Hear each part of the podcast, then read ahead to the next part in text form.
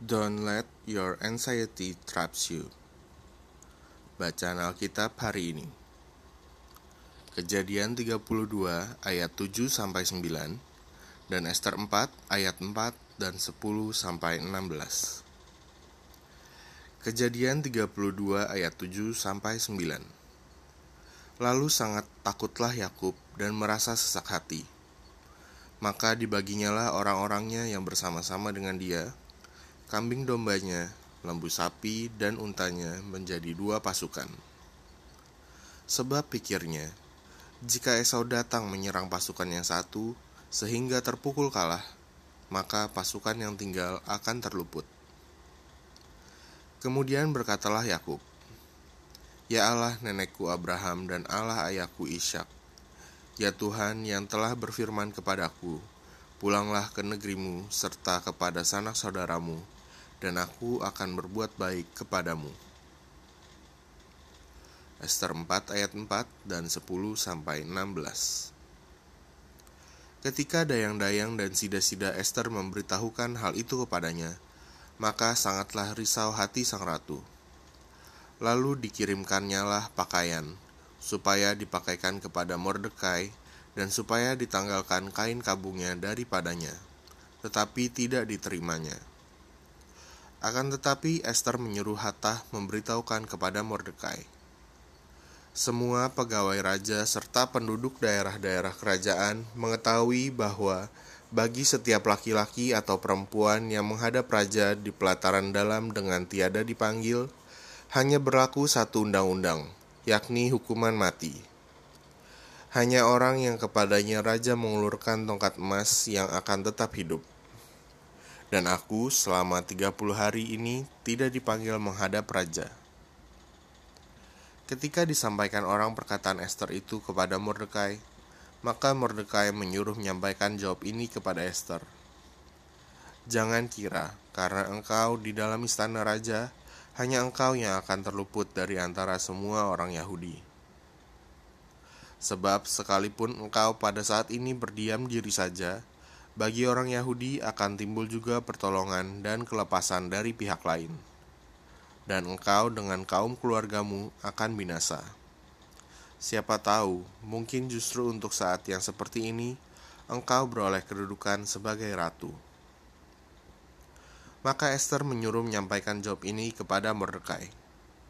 Pergilah, kumpulkanlah semua orang Yahudi yang terdapat di Susan, dan berpuasalah untuk aku Janganlah makan dan janganlah minum tiga hari lamanya, baik waktu malam, baik waktu siang.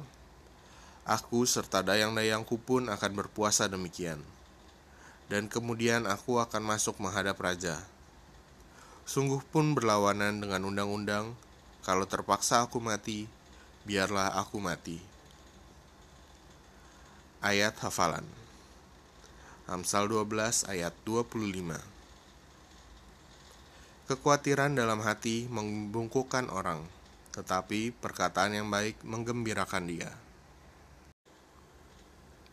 Renungan inspirasi Selama kita hidup di dunia ini, akan ada kalanya rasa takut, cemas, dan khawatir melanda. Ada banyak hal yang bisa menjadi penyebab kecemasan kita. Seperti Yakub yang takut ketika mendengar Esau akan menemuinya dalam kejadian 32, dalam hal ini, kecemasan Yakub disebabkan perasaan bersalah dan hubungan yang rusak. Ratu Esther juga pernah merasa cemas ketika mengetahui kesedihan Mordekai atas titah raja yang hendak membinasakan orang Yahudi dalam Esther 4. Belajar dari kisah Yakub dan Ratu Esther, kita dapat merangkum penyebab utama dari kecemasan adalah ketidakpastian dari hal-hal yang tidak bisa kita ketahui di waktu yang akan datang. Renungan hari ini terinspirasi dari salah satu Amsal Salomo yang berbunyi, Anxiety in the heart of man causes depression. Dalam Amsal 12 ayat 25a, terjemahan New King James Version atau dapat kita terjemahkan bahwa kecemasan dalam hati manusia menyebabkan depresi. Di sinilah kita sering terjebak. kita dibungkam oleh kecemasan kita sendiri. Kita menjadi depresi. Kita jadi tidak dapat melakukan banyak hal. Alkitab dengan jelas mengatakan Yakub sangat takut dan merasa sesak hati. Bahkan Ratu Esther mengatakan jika terpaksa ia mati, maka biarlah ia mati. Namun dari kedua kisah ini pula kita mengetahui bahwa apa yang mereka khawatirkan pada akhirnya tidak terjadi. Ada satu kunci praktikal yang dapat kita teladani.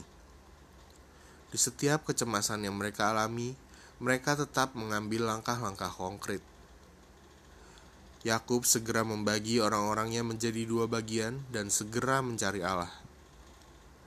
Ratu Esther segera meminta semua orang Yahudi untuk berpuasa sembari ia melakukan bagiannya. Rasa cemas justru memotivasi Yakub dan Ratu Esther memecahkan masalah dengan cara yang paling tepat, yaitu melibatkan Tuhan. Rasa cemas memang akan selalu menjadi bagian hidup manusia.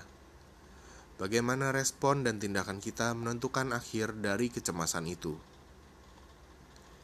Kita perlu ingat bahwa sebelum Yesus menghardik angin ribut di danau, ia terlebih dahulu menghardik ketidakpercayaan para murid.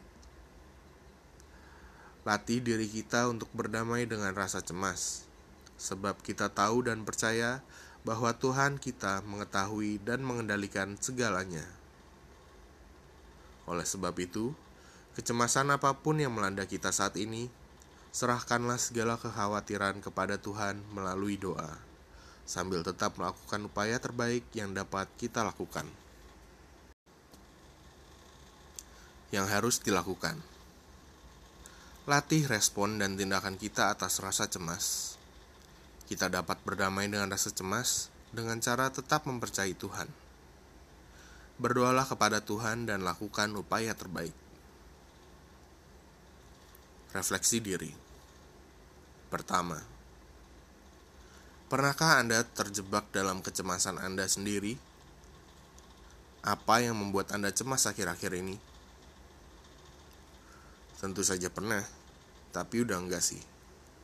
Kalau apa yang bikin cemas hari ini sih paling soal kerjaan dan covid yang enggak kelar-kelar. Tapi bukan sebuah kecemasan yang sampai mengganggu kehidupan juga sih.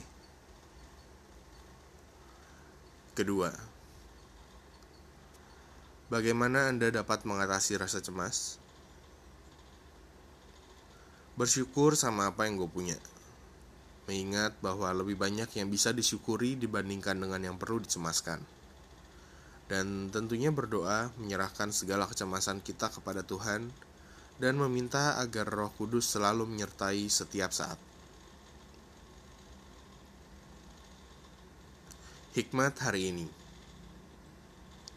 When I look back on all these worries, I remember the story of the old man who said on his deathbed that he had had a lot of trouble in his life, most of which had never happened.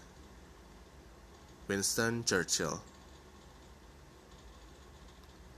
Ketika saya melihat kembali semua kekhawatiran ini, saya ingat cerita tentang seorang tua yang mengatakan di ranjang kematiannya, bahwa ia memiliki banyak kekhawatiran dalam hidupnya, yang sebagian besar tidak pernah terjadi.